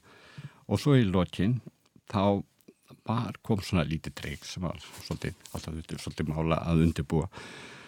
Að í lokverja síningar, svona þegar hátáknu var náð, þá var það að uh, hann hafi séð gætna svona lítið ljós á munninum á mér og það er ákveðin fjallega eins og við sitjum núna og horfumst í augu hérna sikkur með einu borð og stindilega þar sem hann horfir á munnin á mér og veit fjarlæðina hvað hann okkur veginn er þá rökkniður speill mitt á mill okkar sem sneri að árundanum og kom ljós á andlitið hans á sama tíma og fjarlæðin frá andlitið hans að speklinum tvöfaldast í speklinum þannig að andlitið hans kom á staðin þar sem ég hafi verið áður eða hann hafi séð mig áður eða munnin á mér. Þannig stindilega horfðan á sjálfan sig á staðinu sem ég var. Mhm. þetta var svona eins og l- lítið svona töfrabræk og það var svolítið merkilegt líka því að sko speilin fór rætt niður og hjekk á tveimur strengjum þannig að hann sneri svo litið þannig að fyrst virkaði eins og einhver verið á reyfingu í rýminu fyrir augunum árandunum svo stoppaði speilin og þá var oft sem fólk greip andan á lofti eða öskra eða eitthvað þegar það sá sjálf sig. Og þannig laug síningunni að að í lokin satt fólk og horfði á sjálf sig á staðinu sem ég hafði verið á eins þetta var um þetta samspil árundans og, og leikarans. Það var snúringur á speklinu, seiflaði svolítið til, já. Svo heldum okkur við tema. Heldum okkur við þemað snúningur við þar og ég, sem sagt, ég ringdi í þig fyrir vikunni og bæði um að velja þema eitthvað orð fyrir bæri tilfinningu var eitthvað sem veri efst á baugi þá stundina þú sagðir snúningur þú veist frekar fljótur að, að velja þetta orð. Hvers vegna? Að því að, eins og ég segi og, og sko, við byrjuðum nú að tala um og ég er svona ekki komin áleiðis að því að við erum alltaf að stoppa. Að sem maður við erum ekki að stoppa, við erum að Nei, fara ég meina við erum, já, við, við erum alltaf að þér- Já, við erum að fara út á brautinu og fyrir alltaf inn á hann aftur. Þetta er allt sagan af því akkur er unglingurinn sem að ákvaða að fara í sviðslistanám og langar mest að vera leikmyndahöfundur, úskrifaði sem leikari, varð síðan leikstjóri og síðar útfarsleikustjóri sem er eins langt frá myndlist og sviðshönnun eins og hægt er í leikursi. Þannig að það var raun og veru leinda höfundurinn sem var stjórnandi útvarsleikurs, hins hljóðuræna Mm. leikurs sem er auðvitað ákveðin snúningur á ákveðin ferðli sko. Heldur betur, heldur betur. kom það óvart? Nei. þegar varst alltaf inn komin í þessu stöðu Nei, út af leikustjóra Nei, alls ekki, ég sóttist eftir því. Mér langaði það. Fyrir mér er hljóðvarp mjög myndrætt miðil Mm. og ég pekk oft hér nefnendur sem að komi hérna úr ymsum skólum, bæði úr listaháskólanum og öðrum skólum. Og ég talar alltaf um útvarsverk þá sem, sem, sem sjónrænverk sko útvarsleikus, gott útvarsleikus er miklu stildara kvikmynd heldur en leiksviði. Að þú notar hljóðnefnan og hljóðheiminn til að kveikja myndir. Og þess vegna gerði ég á mínum tíma hér sko að einhvernar orðum setningu úr Galdralofti eftir Jóhann uh, Sigur Jónsson það er lítið atriðið í Galdralofti þar sem að Solveig nei Dísa, Dísa heitur hún er komin heim eftir fjárveru og þau voru sem sett uppeldið sístinn Dísa og, og Galdraloftur ólist upp á sama bænum Sónur Ásmarsins og, og hérna dóttir biskupsins. Og þau hefðu leitið sér saman að töfrateppi. Það var gólmotta á baðstofinni sem þau hefðu leitið sér og notað sem töfrateppi farið í, í svona ímyndanarleik eins og börn gera. Og þegar Dísa kemur heim þarna þau eru orðin svona 18-19 16-18-19 ára þá segir þá segir loftur við hana ef ekki komið gamla leikin okkar. Jú, segir hún og þá segir hann komdu og stíðu á töfrateppið. Og svo þegar þú er komin á teppið þá segir hann nú látum við aftur augun svo við sjáum betur. Mm. og þetta urðu einhvern orð út af sleikusins þú lætur aftur augun til að sjá betur að þú hlustar og sérð og dregur upp þína myndir. Það, og gott útvarp á að kveitja myndir. Það, þú, sem, það matar þið ekki heldur kemur á stað öðrum stöðum heilans alls konar hughrifum og jafnvel sjón. Þannig að þú sér fyrir þér hlutina og það er ekkert sem keppir við ímyndunaflið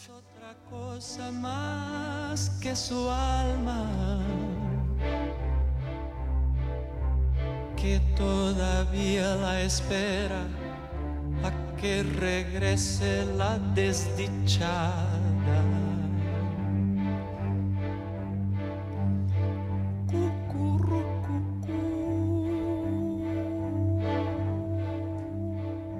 Þess vegna fannst mér útvarp svo óbóslega skemmtilegur miðill að þessu leiti og, og, og sérstaklega sko þetta breytust útvarsleikit frá því að verða eins og hljóður á sér að leiksviðum myndi að vera í gamla daga þau bara beinleins farið með leikrit af sviðum stóru leikúsan og þau bara flutti útvarpið án mikil að leikljóða en síðar með tekninni þá örðu, varðu sko hljóðvarpsleiklist að sérstakri lískrinn sem er bara hljóðverk miklu meiri hljóðheimur og unni með möguleika útvarsinn sem eru mjög líkil möguleika kvikmyndarinnar með klippingar og hljóðvinslu mm. og svo bara þess.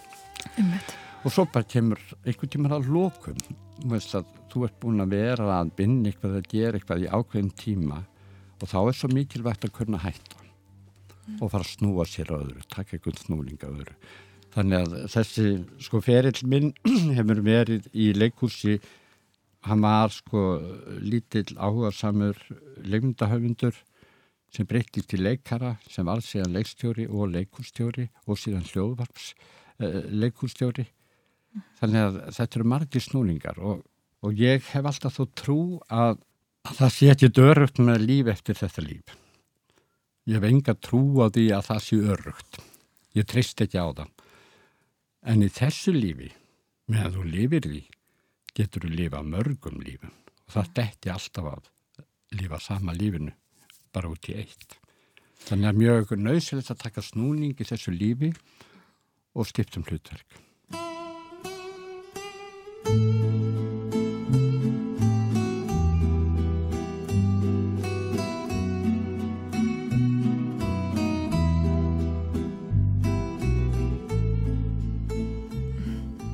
Við ætlum að hlusta lög. Ég held að þið verði bara tvö í þetta dagsi. En ég veit lega að hlusta lög við þar. Já. Þú valdir fjögur lög út frá þemanu snúningur. Já, ég baldi bara upp á sleim. Á hvað leiði við að byrja? Mér langar að því við erum búin að tala svo mikið um leikursinn.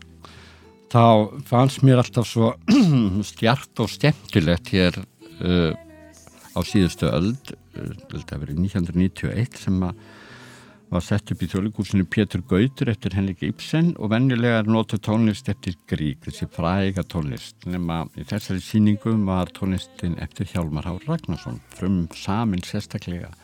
Fyrir þessa síningu vinnur á Þórildur Þorleifsdóttir hafi leikst hittinni og það var svo makalaust vegna að það var svo mikil áræði að tónskáld stildi klíma við það að semja nýja tónlist við Pétur Gaut og þá sérstaklega við hefði fræga ljóð söng Solvegar og þegar ég heyrði þetta lag fyrst eftir Hjálmar þá finnst mér það bara slíku dimsleit og líka því að mér þykir mjög vant um Steinin Ólínu Þorsteinsdóttur, hún er svona leikona sem ég sé vaksa og grasi síðan hún var barn Og hún syngur lagið. og hún syngur lagið og leik Solveigu í þessari síningu og syngur lagið og það til upptakaðu sér hér í útvarpinu.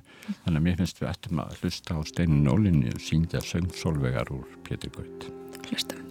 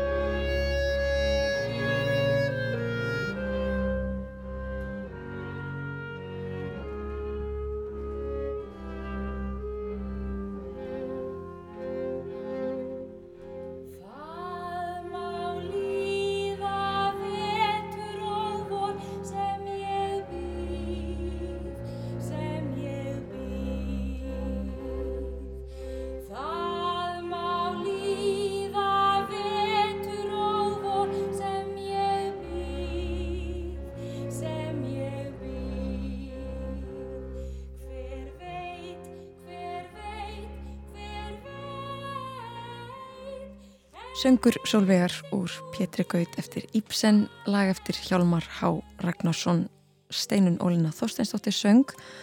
Viðar Ekkersson er gestur tengivaksis í dag. Hann valdi þetta lag út frá þemanu snúningur. Við sitjum hérna sem sagt saman í, í hljóðveri tengivaksins og ræðum í raun ekkert og þar lendi allt. Er það ekki? Jú. Það er, það er engin það, við getum gert það. En viðar ég er með ósvo margar spurningar. Ég veit ekki hvernig eh, þetta er eiginlega bara mjög erfitt viðtal fyrir mig þar sem að eh, eins og þú- eins og þú nefndir aðan við förum of oft út um allt og náum ekki einhvern veginn ekki að halda okkur að efninu. En þú sagði til dæmis alveg í blábyrjun þessa viðtals ég er maður sem hefur lifað Ég Minnum- játa að ég hef lifað. Já, já ég játa að ég hef lifað og, og þá langar mér að spyrja hvað er að hafa lifað á þínum mati? Vá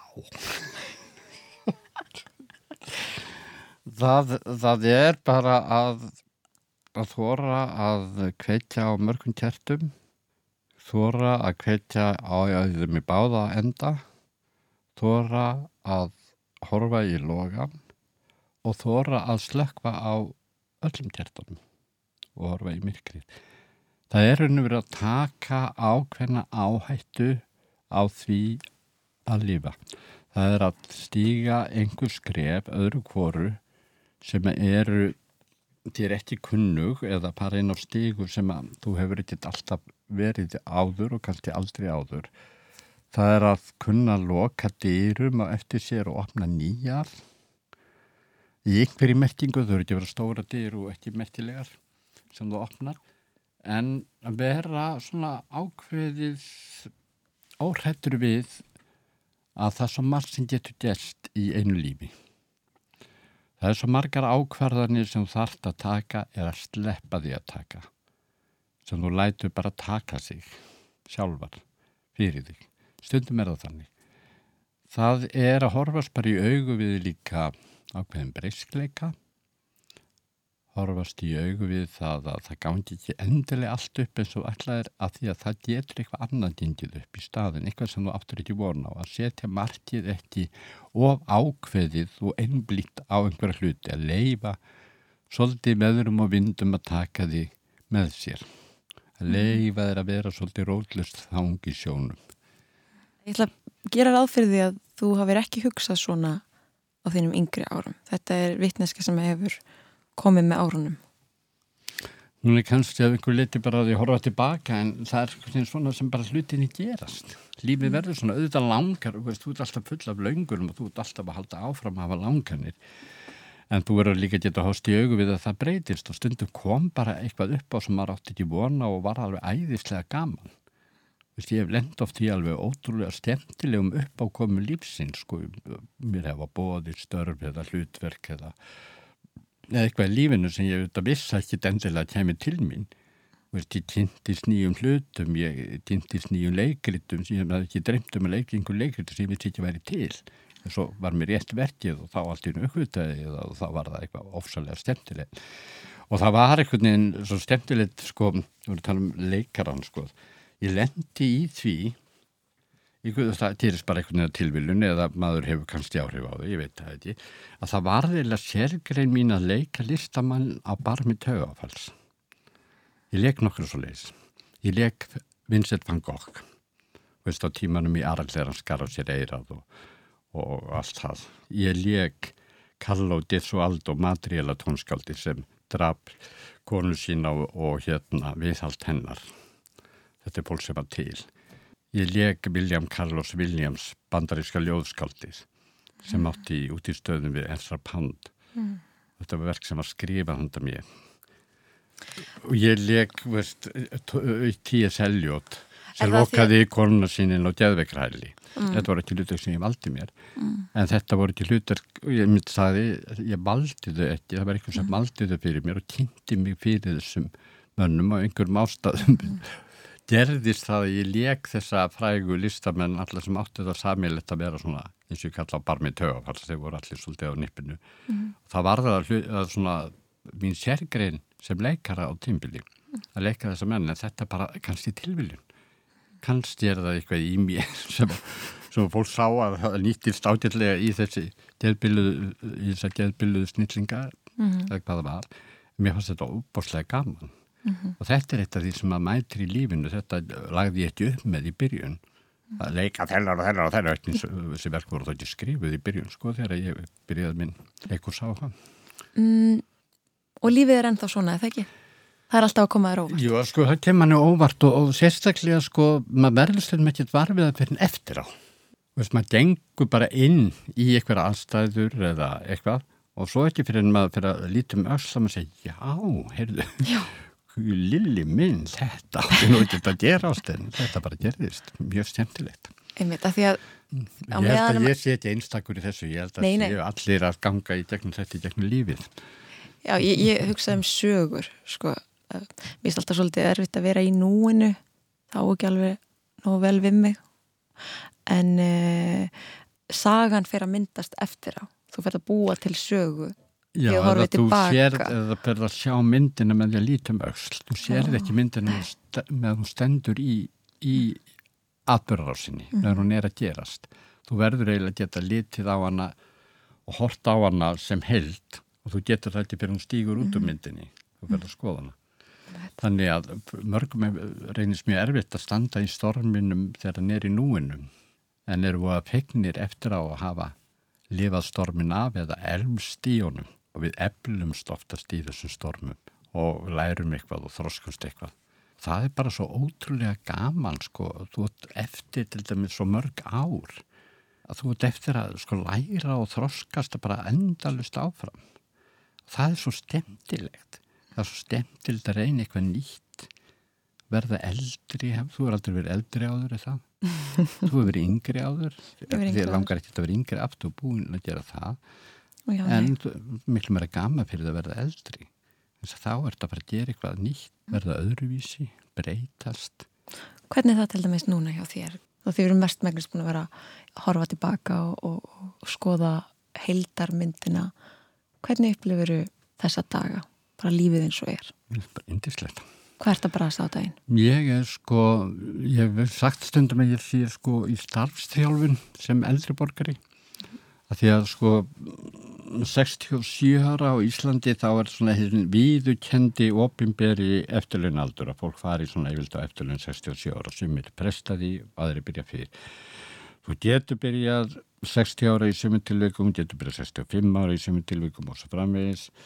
Ég ákvað núna frá því ég var 65, ég er 66 í dag og ár eftir að ég semst ákvað 65 ára að byrja að æfa mig að verða eldriborgar. Ég fór að kynna mér öll mál, hvað varðar eldriborgar um lífstjör, kjaramál og aðar önnur mál. Sérstaklega ég var sérfræðingur held í kjaramálum með eldriborgara og eins og fann að gefa fólki ráð sem eru á mínum aldri eða aðeins yngri sem er svolítið að bara hugsa um þessi mál, hvað verður um þau þegar þau hægt að vinna. Sumir verða búið að gladir og uppvita það stefnir alltaf að vera miklu betra heldur en aftur vona og aðri verða miður sín þegar ég sjá að það verður verra. Oftast verður það verra svona kjaralega fyrir fólk. En ég er sem sagt í því að æfa mig, ég er sem sagt í núna að vinna hálft starfperið, landsamband eldriborgara. Það er þetta mjög góð stað til að æfa sig að verða eldriborgari, að vera í starfstjálun. Og svo er ég bara, er ég hinnum að þessu verkefnum á móti, ég lifi mjög fínu lífi fjáraslega pínt, ég er vel stattur öllu leiti, ég veit að þegar ég mun síðan fara eftirlun þá verða kjörin aðeins læri en ég er búin að búa þannig í hægin að það er allt í lagi. Það er allt í lagi svona veist ef ekkert alvarlegt kemur upp á. Það er aftur móti, þá getur allt verða hliðina ef eitthvað tannbrot eða mynda, hvað gerir sko. Það gerist hjá mörgum.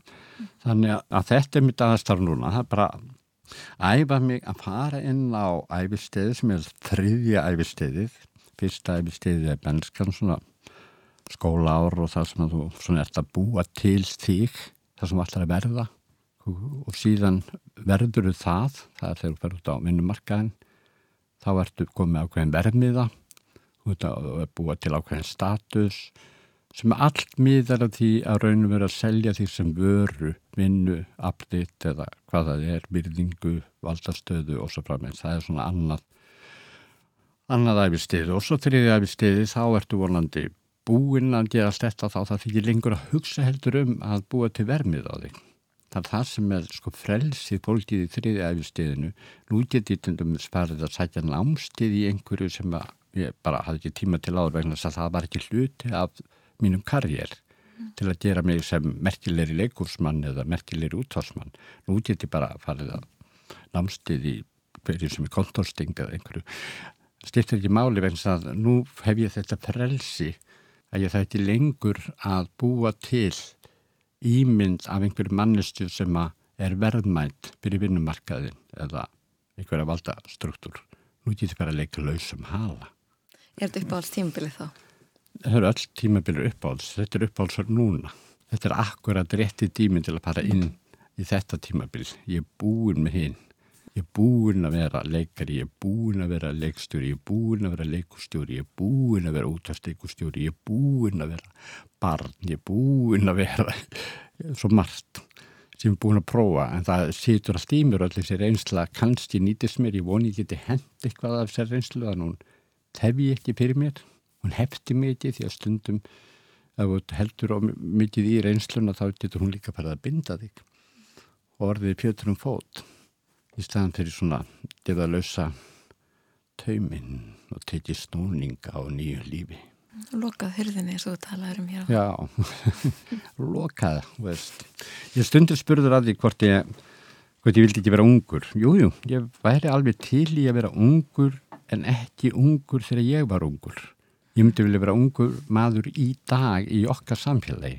Mm. En samfélagi sem ég var ungur í, ég myndi ekki vilja vera þar aftur. Ég var ungur í samfélagi sem að fullt af grimd, fordómum og ótrúlegu frumstæðu lífi. Ísland var ósalega frumstætt á mínum yngri árun, grimt og vond samfélag. Ég sko liði þá tíma þegar skólakerfi var þannig að börn sem komu úr fjölskyldum sem ekki voru vel sett voru automatist sett í tossabetti. Ég upplýði þá tíma þegar að mentafrömmur sem er tektur í dag sem mentafrömmur, hann lendir í því á eftir því sárunum að fjölskyldan splitið til Reykjavík og það mikið húsnæðs vandraði og fjölskyldans hefur ekkert annað úrræði en að fá inn í brakka í, í kampunum. Þegar þessi ungi drengur sem er pít nefandi, velgreindur, segir við skólastjórun að hann ætla að fara í landspróf, þá segir skólastjórun við hann, það er enginn úr kampunum sem fer í landspróf. Og neytur hann um það, að því hann kemur og býr í þessu úsnæði. Það er ekkert með vitsmunans að gera. Þannig þjóðfélag var Ísland þegar ég var allast upp og mér langar sko ekki að vera ungur aftur í því þjóðfélagi. Ég myndi aftur á móti vera gladur, vilja vera ungur í okkar samfélagi og mér er gaman að setja fullt af ungu fólki sem elst upp í miklu mannistillera samfélagi heldur náðu var í bóði. Og ég hef miklu að trúa því fólki. Þess að það fær býr undir vendina og það er ekki að spyrja því að það verður úbúslega mikið að fuglum og englum flögrandum loftið út af þessu fólki. Og þá held ég að það sé komið að næsta lagi viðar. Hvert er næsta lag? Já, þá skulum við hérna taka, ef við höfum tíma, það er hann vinnu minn Jimmy Scott sem að er svona snúlingur. Þar syngur hann frækt lag Nothing Compares to You. Og þetta lag er, var þekkt með Sinead Connor en Prince samt þetta lag uppálega en það er svo fallit við Jimmy Scott að hann er háaldraður maður sem að misti aldrei barn. Hann var með eitthvað sjúdóm þannig að hann er með eilíða bassrödd en um að bassröddin er orðin mjög gömul og lífstrind og hann syngur þetta lag ofsalega hægt með þessa hann heldur átturættir hann syngur þetta lag með þessa fallegu gömlu bassrödd. Hlustum. And sleep all day. Since you took your love away. Since you've been gone, I can do whatever I want. I can do whatever I choose. I can eat my dinner in a fancy restaurant,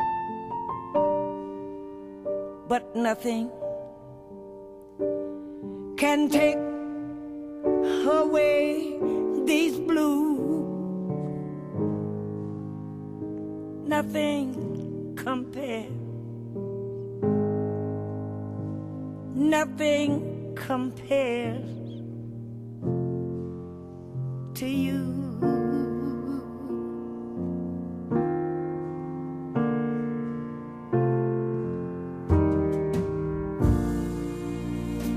It's been so lonely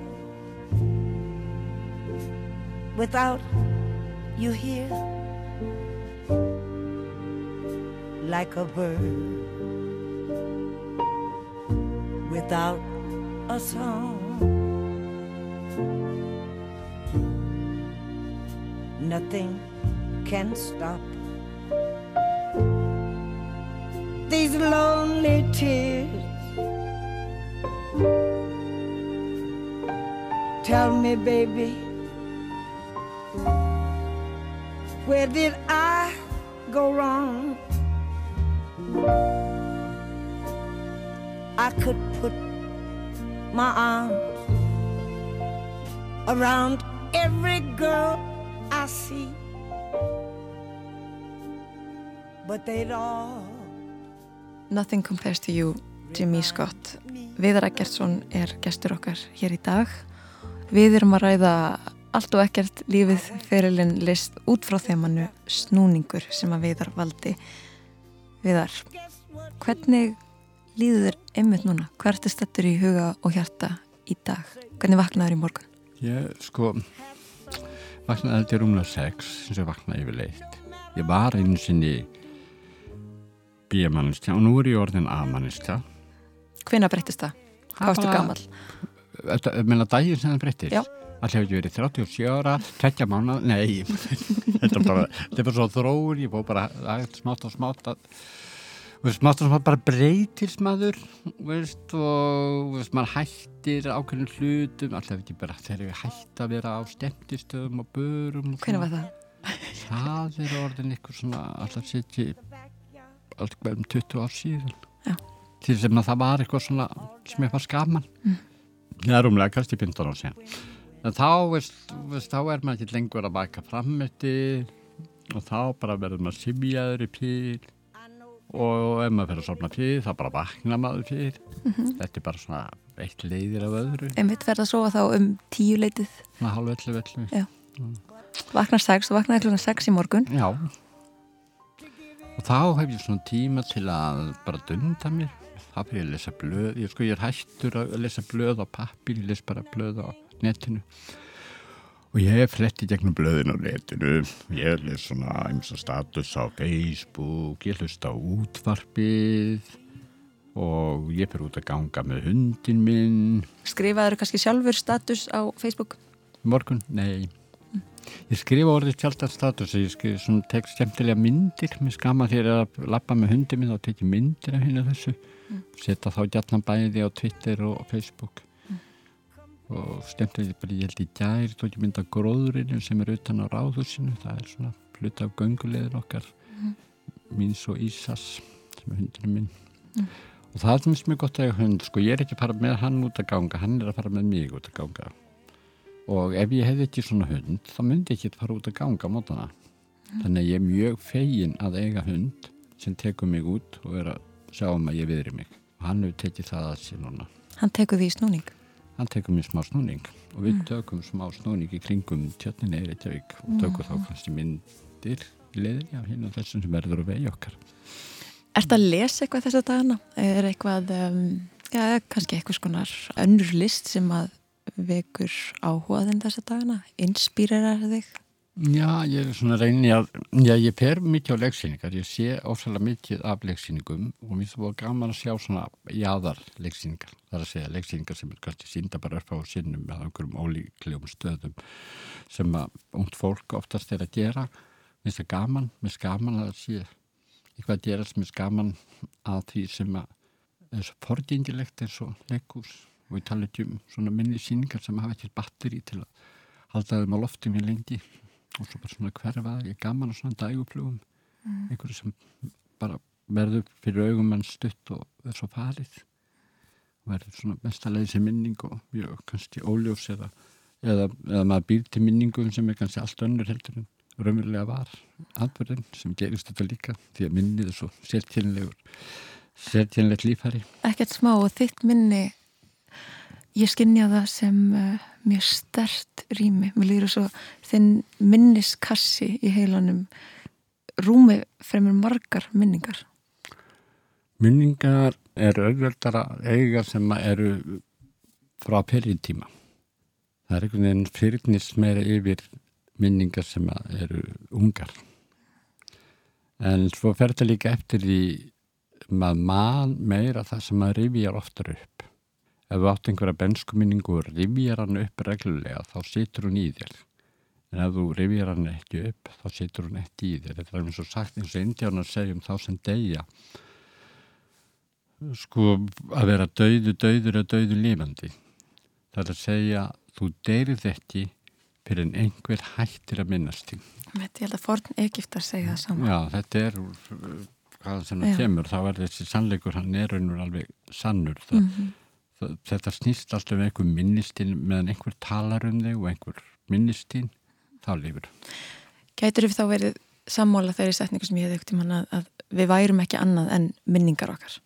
Já, ekki algjörlega. Við erum það og við erum líka skaparar nýra minninga.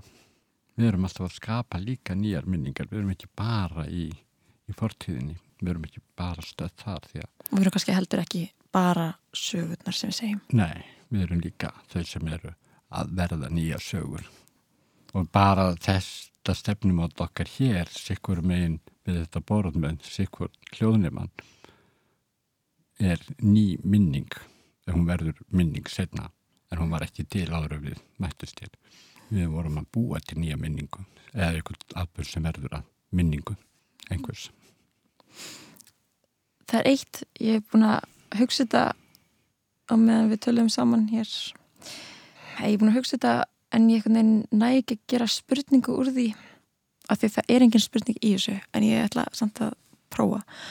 Ég horfa á þig og til þess að kannski, gera samtal okkar aðeins sjónrætna fyrir útarslustundir þá um, ert þú í ból, langar með ból sem er röndóttur, svartur og hvítur minnum á fanga svart með svart glirugu og hvít hár.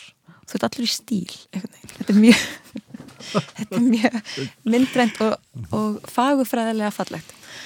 Mm, en svo finnst mér svo fallegt að því að sko þú ert svo frjáls, þú talar um frelsi og snúninga og þú, þú, þú festir þig ekki í aðstæðum þú heldur áfram að fara en svo ertu klættur upp sem fangi Já, í þínum augum er þetta fangi, fyrir mér er þetta trúðurinn. Mm.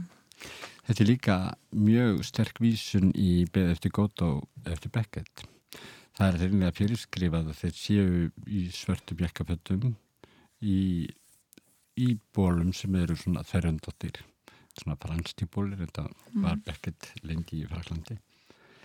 Og þeir eru svona music hall trúðar, raunveru aðra röndina þessir umrenningar í, í Beðefti Gótó. Ég er eh, svona music hall trúður, ég er svona umrenningur á vegiðinu sem minnir á trúð. Mm. Ég er ekki fangi endilega, það er einhver, einhver mynd sem þú hefur í huganum. Já, þú ert ekki sem að- fangi Nei, ég meina, það, þín vísun að þú þekkir þann svona Mhm. Ég þekki þá fagurfræði. Já, þá fagufræði en fyrir mér er þetta þetta er bara fallegt þetta passa allt saman og ég reynda sko svo, svo óforbetranlegur Beckett sinni, við talaðum Beckett áður hann hafði raunur áhrif á þennan einleik sem ég sagði þér í löngum máli frá fyrir þettinum að eh, þetta er svona hann hafði hann, hann, það, það er Beckett að þakka eða að ég var leikurslistamæður að því ég mætti honum þegar ég var 11 ára í ríkningu í Njarvíkonum Gerður það? Ekki honum persónlega heldur verki eftir hann. Það var fyrsta alvöru leikursu upplifi mín þegar ég var 11 ára Mhm. var að leikund eftir Samuel Beckett. Hvað leikert var það? það var síðasti að segurband Krafstæðir sem er einn maður og segurband Mhm. allt tímið tilbaka Mhm. hann er að hlusta á sína eigin rödd af segurbandi frá því hann var yngri. Þetta er nánast eins og útvarp. Þetta er ómur frá fortíðinni. Fullorðin maður þetta var svona, ég var 11 ára og nánast, já, við vorum örfá í salnum auðvitað allt fullorðu fólk, ég veldi eini krattin sem hætti á þessa leiksýningu þetta var ekki barnaleikrit Að hugsa sér hvað eitt listaverk getur haft mikil áhrif á mannesku. Já. Því þarna byrjaði þetta allt í byrjaði þetta. þetta var sko Beckett og þetta er þannig að ég tengi sko það sem þú sér núna fyrir fram að þig þú sér eitthvað sem að það kallar og eitthvað svona stinnjun hjá þér og einhver annar myndi finnast það eitthvað annað. Mér finnst þetta svona. Ég er alveg opinn til tólkunar það má vera við tólkami fyrir sig sko.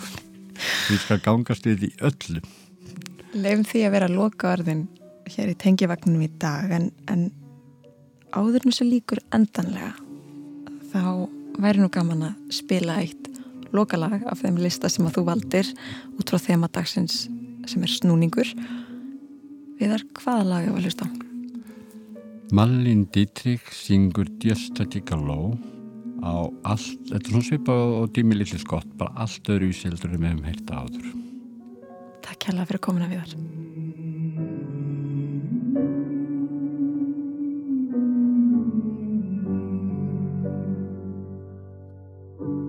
just a gigolo everywhere I go.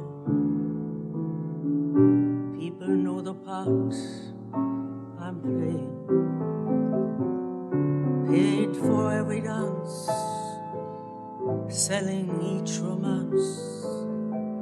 Every night, some heart between. There will come a day youth will pass away. Then what will they say about?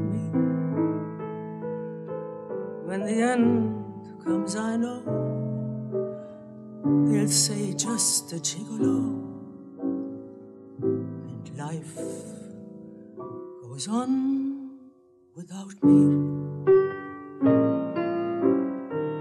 Just a gigolo everywhere I go. People know the part I'm playing.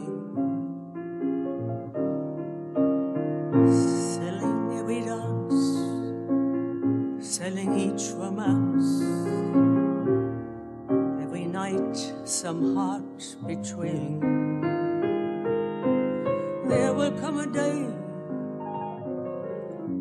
youth will go away. And what will they say about me when the end comes? I know They'll say just a gigolo. And life goes on without me.